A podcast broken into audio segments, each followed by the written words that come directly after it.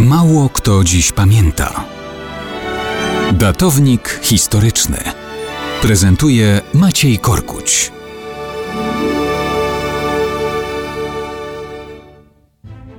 Mało kto dziś pamięta o akcie 5 listopada 1916 roku, który proklamował utworzenie Królestwa Polskiego z ziem wydartych Rosji. To nie była zapowiedź niepodległości, ale był to akt, który zmienił konstelację europejską wokół sprawy polskiej. Wcześniej cała ententa uważała ją za wewnętrzny problem sojuszniczej Rosji i nie tykała tego nawet na milimetr. Niemcy i Austriacy, choć zajęli kawał zachodnich obszarów Imperium Rosyjskiego z Warszawą i Wilnem, dotąd lojalnie występowali jako państwa jedynie zajmujące cudze, czyli rosyjskie terytorium. Resztę miałaby rozstrzygać dopiero konferencja pokojowa po zakończeniu wojny, ale jakoś koniec wojny się ujawnić na horyzoncie nie chciał. Niemcy po wielomiesięcznej i bezowocnej masakrze pod Werdę coraz bardziej odczuwali brak sił żywych i trudności w prowadzeniu wojny na dwa fronty.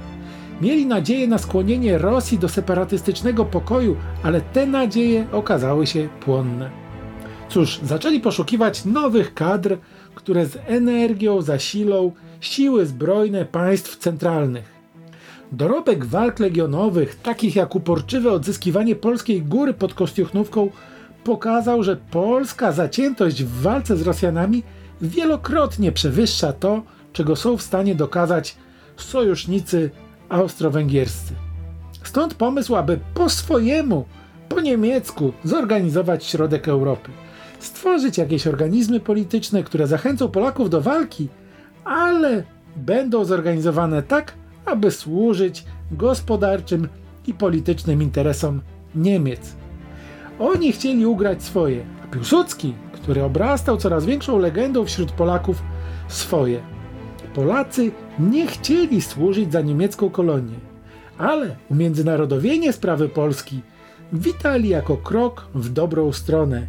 I rzeczywiście, po akcie 5 listopada 1916 i po rychłej rewolucji lutowej, zarówno Rosja, jak i państwa Zachodu zaczęły o sprawie polskiej mówić zupełnie inaczej. Coraz większymi krokami, choć jeszcze powoli, uświadamiano sobie, że powojenna Europa bez Polski już istnieć nie może.